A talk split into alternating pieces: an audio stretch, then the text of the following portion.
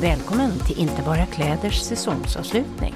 Sedan premiären den 19 maj i år har nio avsnitt kommit ut och det är dags att sammanfatta säsong 1. Jag som gör podden heter Marie Tosta Linner, personlig stylist på Tellclothes och bloggare i 10 år på 50 plus mode.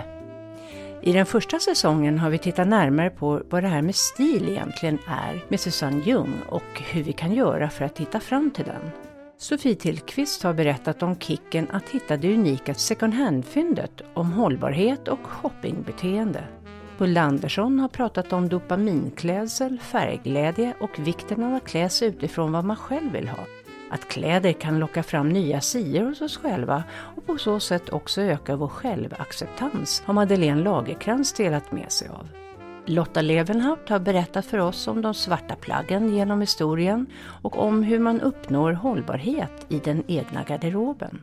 Åsa Sannerheim har invigt oss i färgernas magi, om vikten av att sätta dem och att vi egentligen redan från början vet vilka färger som är våra bästa.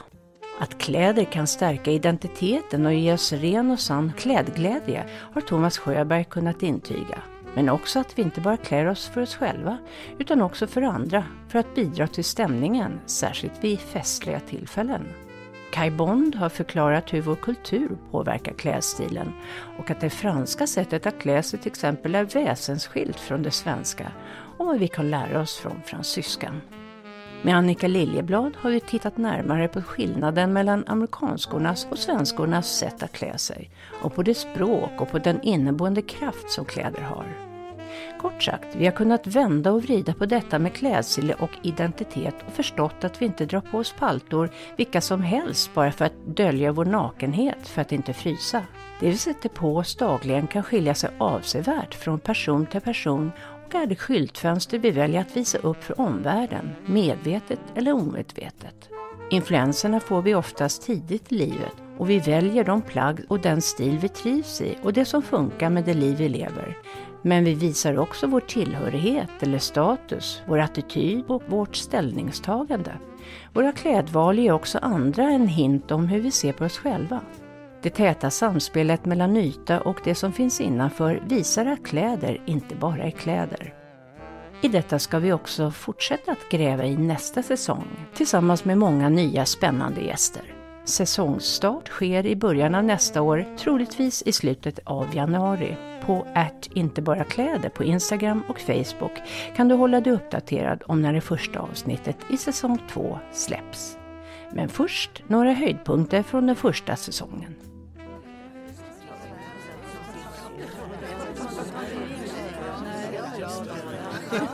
Mer bling-bling åt mannen säger jag bara. Ja, absolut.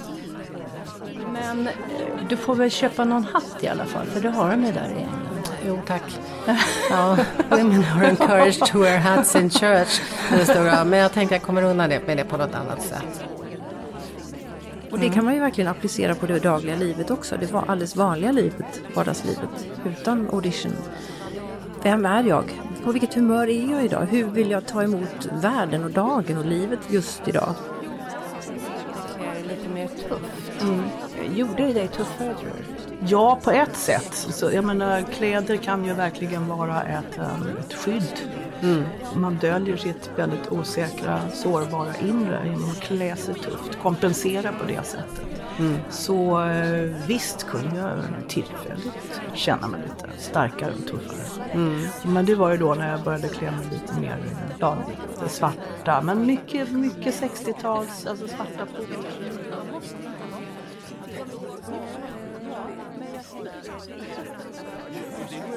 Det är inte för att omvärlden ska tycka att åh, kolla vad ball han är, den där Sjöberg.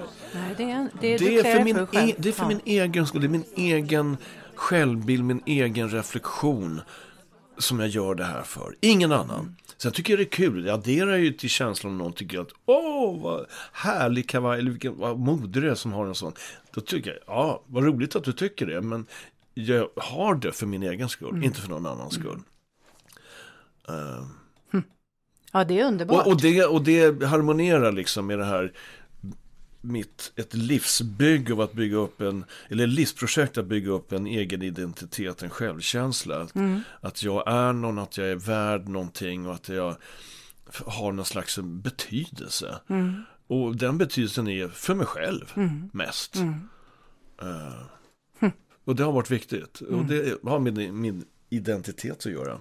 Och de här kläderna och min, min kärlek till Beatles och Eagles har hjälpt till där faktiskt. Det låter kanske lustigt men, men Nej, men, men det är jag, jag förstår. Eh, din stil är också romantisk. Alltså, den är ju väldigt... ehm, den är kopplad till känslorna Mm. mycket. Och det är ju ett sätt att klä sig. Sen finns det de som kanske inte gör det. Men, men Mm. ja, det är underbart att du har lyckats så när det är viktigt för dig. Ja. det är det. För jag är ju en otroligt känslostyrd människa. Mm. Jag går på intuition och känsla och på uppstuds. Mm. Och har ett ganska hett temperament.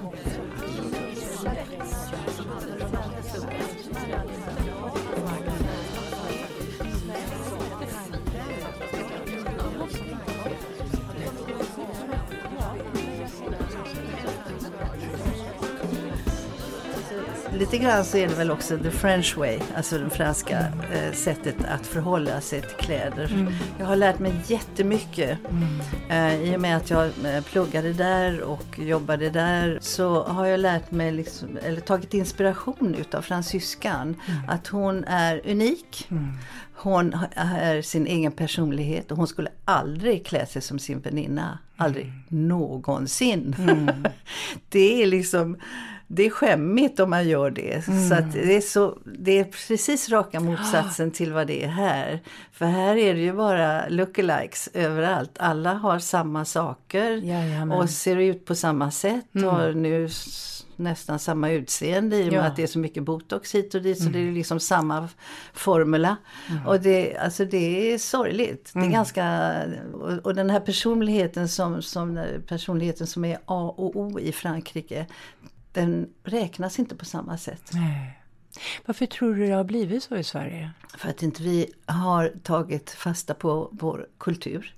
Eh, människors kultur, människors eh, värde. eh, vem man nu än är. Eh, det handlar inte om att man blir upphöjd bara för att man har mycket pengar. Eller att man har så att säga det och det jobbet. Utan det handlar om individen i sig. Som ju är en kulturvarelse. Så ser man på individen i Frankrike. Och det är säkert likadant i många andra länder också. Så att det vill inte bara hela tiden understryka Frankrike.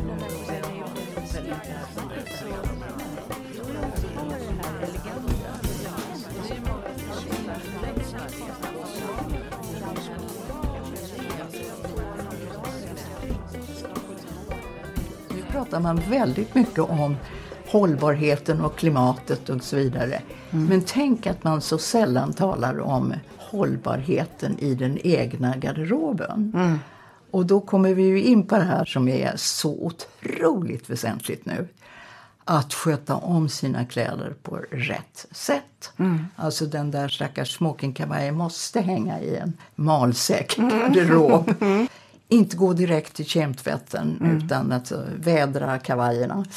Att inte använda jag sa till dig att jag har åtta svarta kavajer. Då kan man fråga sig, behöver man verkligen så många? Nej, det behöver man inte. Men det finns ett system i det där, därför att du kan ju byta.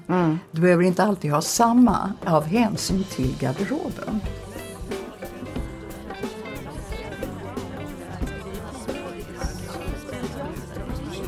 intressant att det har bara skiftats hela fenomenet eller begreppet stil.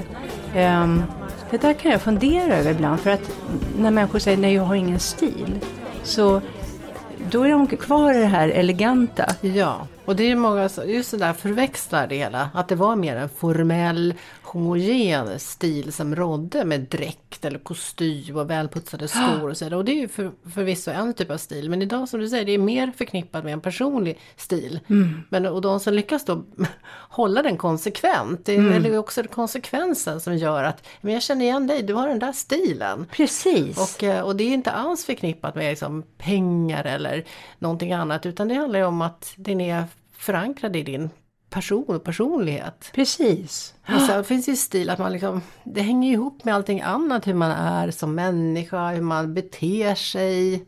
Det har ju minst lika mycket med det inre att göra. Att man är, liksom, försöker vara vänlig och omtänksam och, Absolut. och bry sig om andra. Och det gör man ju också genom att klä sig det är så svårt att uttrycka sig snyggt och sådär. Utan man bara klär sig i alla fall så att man inte kanske provocerar eller upprör någon annan. Ja, jag vet inte, men att man ändå klär sig efter tillfället. Mm. Ja, just det där du säger att det, att det bottnar i en själv. Att, man, att, man är, eh, att det blir ett genuint uttryck, en Ja. genuin helhet. För man ser ju om det liksom kraschar med personen som bär kläderna. Även om kläderna är supersnygga och det stämmer inte med personen, då blir det ingen bra, det blir ingen stil. Nej, det blir, ingen, det blir ingen stil. Och, och typ som när någon går och drar i en tröja eller kjol så sitter det också någonting obekvämt. Ja. Men det, det kan ju hända vem som helst å andra sidan. Men, men rent principiellt, man, man måste bottna i sin look eller stil. Då blir det som bäst. Att man trivs i det. Hur ska man göra tror du? Ja men det är ju, tyvärr är det sånt som man får, liksom, det kommer med, kommer med åren. Ja. Det är ju ingenting, det är ingen quick fix utan det kommer ju med livet som man lever. Och det där kan ju skilja sig lite åt hur och vad man gör. Jag, till exempel när jag fick mitt livs första och enda fasta arbete så insåg jag att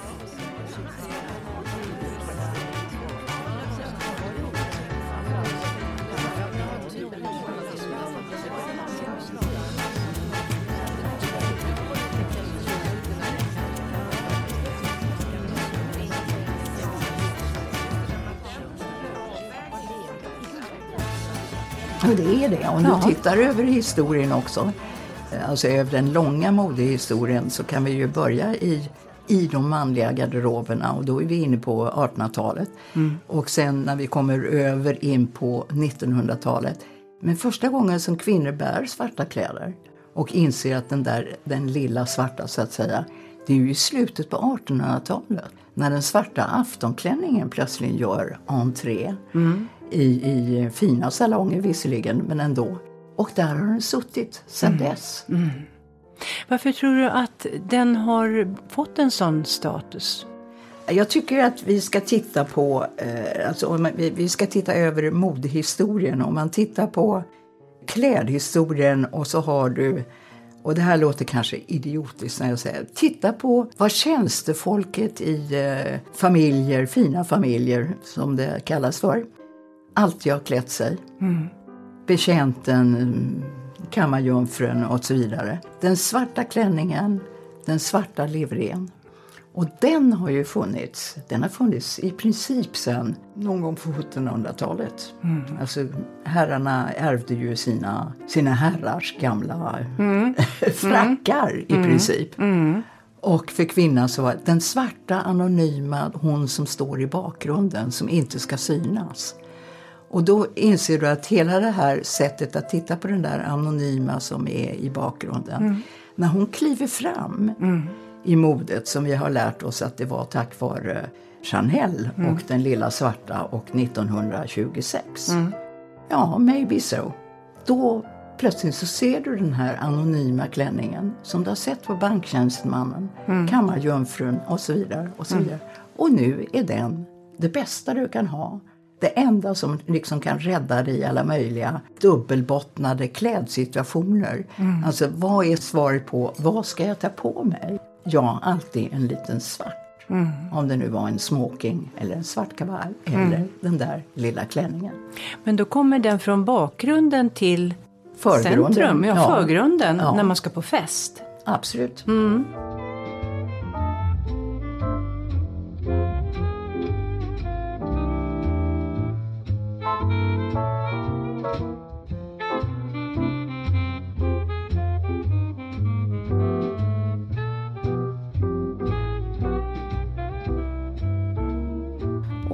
bara bromsa de bilderna och eh, faktiskt se sig själv eh, så som man är. Det är något magiskt med det. Mm. Tror du att varje människa egentligen har en känsla för vad vi passar i? Om man skulle bara vara helt utan eh, påverkan? Ja men det tror jag absolut. Mm. Så, så tror jag att det är. Eh, och att eh, de egna färgerna kommer naturligt för en. Och det är en grundtanke i färganalysen också. Eh, det är mycket inspirerat av Itten som var Bauhaus-lärare. Och det finns en eh, beskrivet just hur han hade en grupp med elever och så bad han dem att måla en färgharmoni. Och alla opponerade sig och sa, nej men det där är inte färgharmoni för oss. Och då lämnade han rummet och så, så lät han dem måla sina egna eh, färger. Och när han kom tillbaka så låg väl de här eh, bilderna utspridda då på golvet där och han kunde pussla ihop varje bild med varje enskild elev.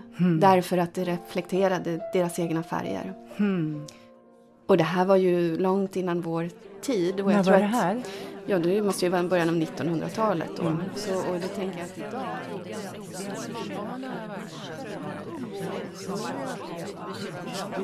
Nästan alltså. Nästan helst till 1800-talet. Stramare linjer, herrstil. Hände det någonting med dig när du satte på dig kläderna? Ja, alltså ja, det gjorde det. Jag kände mig starkare. Jag kände mig mer självsäker när jag hade de kläderna. Och det är lite svårt liksom att gömma sig när man har en korsett som sitter åt. Och, alltså, och man för sig ändå på ett visst sätt. Vi hade ju kurser och så också, mycket i dans och hur man bugade och ja, allt sånt. Men, men kläderna gör ju absolut någonting. Men det märkte jag ju redan på teatern. Uh, även om jag kanske inte spelade kostympjäser så ofta precis. Men, Ja, du var eh, med och stat- eh, staterade. Ja, precis. Ändå. Att det gör någonting med den. Mm. Absolut. Så det, så undrar varför ska man klä ut sig? Jo, men det var ju ändå ett sätt att komma ännu närmare den tiden eftersom Mm. vi var, då strävade efter autenticitet. Att verkligen känna hur det kändes att ha peruker och puder och korsett. He, hela kittet så att säga. Mm. Det gör någonting med en. Mm. Ja, man tar ju verkligen plats som du säger. Jag tänker, pratar man på ett annat sätt? Rör man sig på ett annat sätt i sådana kläder eller? Ja, det är inte de här stora kliven direkt. Nej. Man rör sig långsammare, mer värdigt, håller inte på att gestikulera med armarna mer än nödvändigt. Alltså avmätta, eh, sparsmakade rörelser.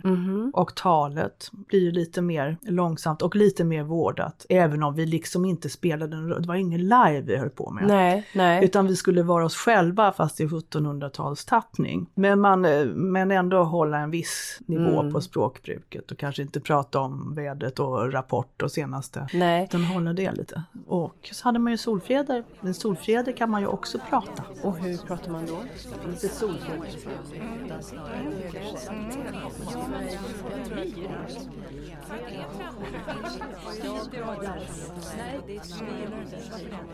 Jo men alltså de senaste åren har jag haft eh, kronisk värk i 15 år.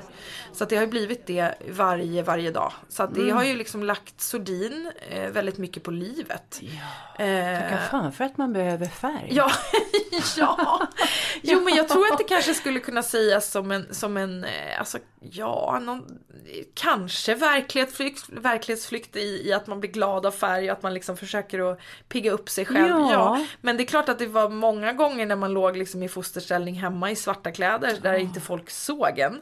Eh, men det är klart att då var det ju ännu viktigare kanske att när jag väl var ute, jobbade, representerade eller gjorde någonting att jag verkligen liksom fick vara mig själv fullt ut i färg. Och att Så du det- behövde den kraften som det är. Ja men det var en, liksom en... eh, Energin. Ja, man pratar ju om så här dopamin dressing. Ja, ja, och visst. det är ju liksom, det är ju lite det det handlar om.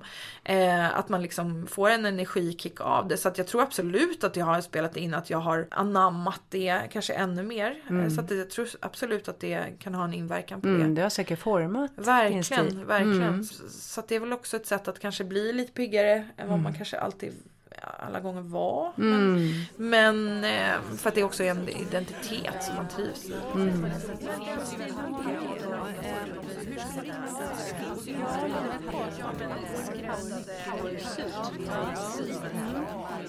Jag tror att jag följde mest mina kompisar och vad man hade på sig. Mm. Men jag har alltid dragits till att köpa det som ingen annan har. Mhm. Som ingen annan kan hitta. Så att jag började rätt tidigt att handla second hand. Lite saklighetare. Ja, för att jag, jag ville inte se ut som alla andra utan jag ville ha det här unika. Sen så har jag Mm. ingen unik stil men jag vill ändå, om jag köper någonting då vill jag gå, gick igång lite eller går fortfarande igång på att säga nej det är second hand. För att jag vet att det är aldrig någon som kommer att kunna hitta det här. Det Nej. är jag som har hittat den här lilla Är juvelen. det, är det viktigt för dig? Mm.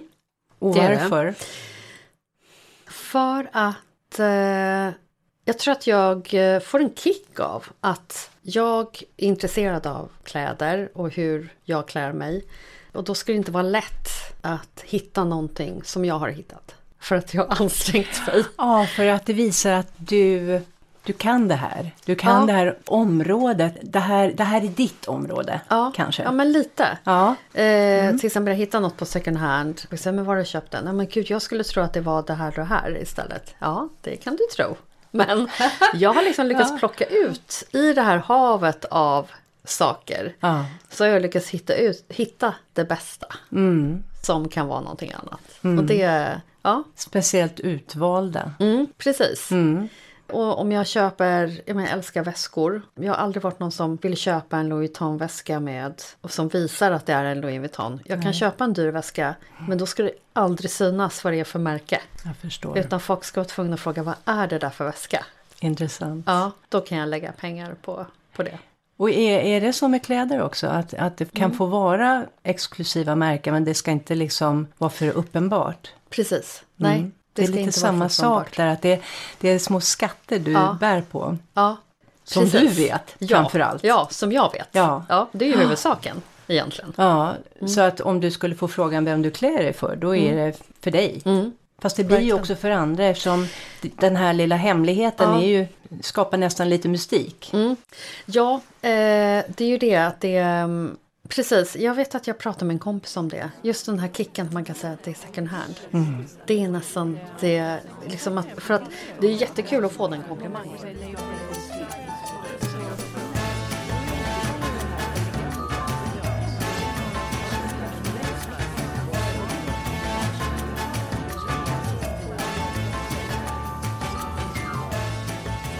Jag klär mig... ehm, jag vill ju då påstå att jag klär mig för Annikas bästa. Eh, men jag kan ju inte sticka under stolen med att jag, eh, om jag ska någonstans i, till något socialt sammanhang, så självklart tänker jag också på hur jag eh, vill uppfattas.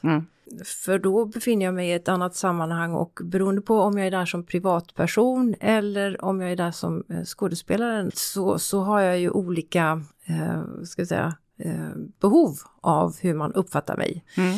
Ehm, I, I professionella sammanhang så är jag ju mitt eget varumärke och eh, då bör jag ju tänka igenom hur branschen eller de jag vill eh, komma nära och de jag vill ska uppfatta mig som valbart alternativ i nästa filmproduktion. Så, så vill jag ju naturligtvis inte skrämma bort dem och jag vill inte heller försvinna i mängden. Utan då gäller det att hitta en balans där. Mm. Det är ganska svårt. För jag måste säga att den här, det finns en ängslighet eh, i det här landet i alla fall. Eh, det är väldigt skillnad på USA, där jag var under ett par år, eh, och Sverige. För i de professionella sammanhangen här så är man ju väldigt återhållsam i sin, sin, eh, sitt klädspråk. Och eh, dyker jag då upp i en neonfärgad kimono och eh, med neonfärgade höga klackar eh, så ja, då drar jag ögonen till mig och det kan ju vara bra på ett sätt men det kan också skrämma känner jag här. Kläderna ställer sig i vägen för dig och mötet. Ja, och mötet. Ja, Mm. faktiskt. Det kanske ger en signal om att, men det här är faktiskt ett viktig, en viktig grej känner jag nu när vi tar upp det. Ja. Hur, hur, hur vi bedömer andra och hur snabbt vi bestämmer oss för hur en annan människa är beroende på kläder. Det är helt otroligt. Är det sociala sammanhang och och eh, festligheter så finns det en enorm ängslighet, lite jantestämning skulle mm. jag säga. Och den har jag inte riktigt tid och lust att helt och hållet anpassa mig till. Faktiskt. Nej. Så jag sticker gärna ut. Inte särskilt, um, inte, inte överdrivet kanske, men jag, jag vill sticka ut för jag är här och nu. Kanske mm. inte lever imorgon och då vill jag åtminstone markera mig själv och min plats. Mm. Nej, för att alla svarar ju, alltså vi är ju alla offer för de här signalerna som kläderna eh, utstrålar.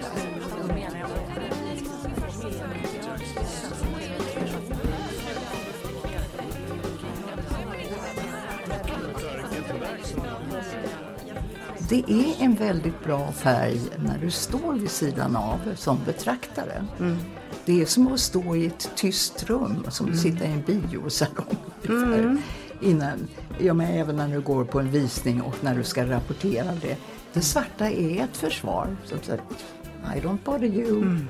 Och jag tror att väldigt många som jobbar med mode känner det som att det blir som ett försvar. Mm en rustning. Mm. Som inte syns för mycket, den är inte för påtaglig, alltså det blir lite halvhemlig. Mm.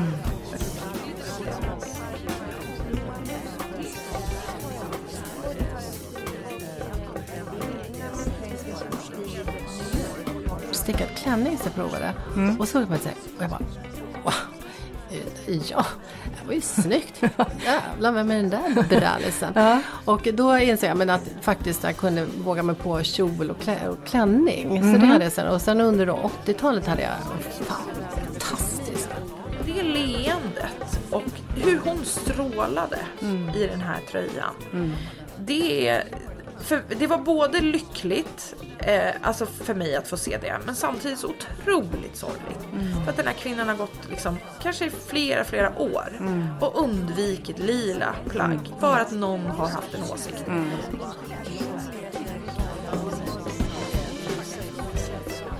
Jag hade fått nog för att det blev på ett så ohälsosamt sätt. Alltså det kunde komma när jag var uttråkad. Så alltså oftast att jag satt och klickade hem saker som mm. jag provade och så returnerade.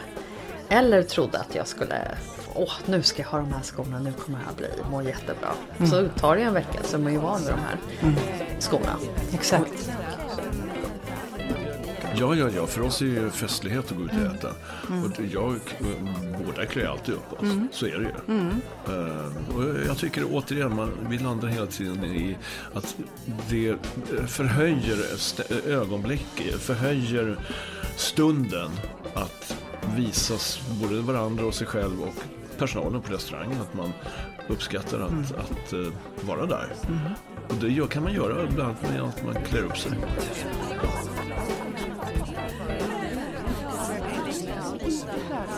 För det gillar jag inte. Jag har aldrig klack. Du har aldrig klack? Nej, jag känner mig fjompig i det. Fjompig? Ja.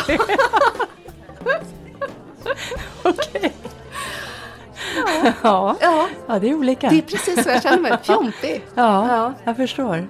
Ja, så jag gillar platta skor. Mm. Mm. Mm. Ballerina, loafers kanske. En, en väska från Gucci ska inte behöva kosta 75 000 spänn. Därför att. Där kände jag mig väldigt snofsig och magnifik måste jag säga. Alltså, jag hade gjort en jättetjusig håruppsättning och hade lite glitter i halsen.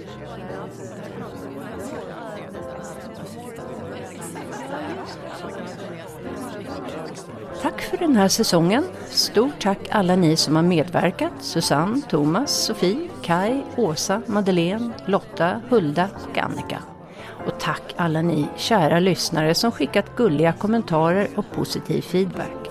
Det gläder mig något enormt att något som jag tycker är så vansinnigt roligt att göra också kan ge er något. Vi hörs nästa år. Stay tuned om exakt när på att inte bara kläder på Instagram och Facebook. God jul och gott nytt år!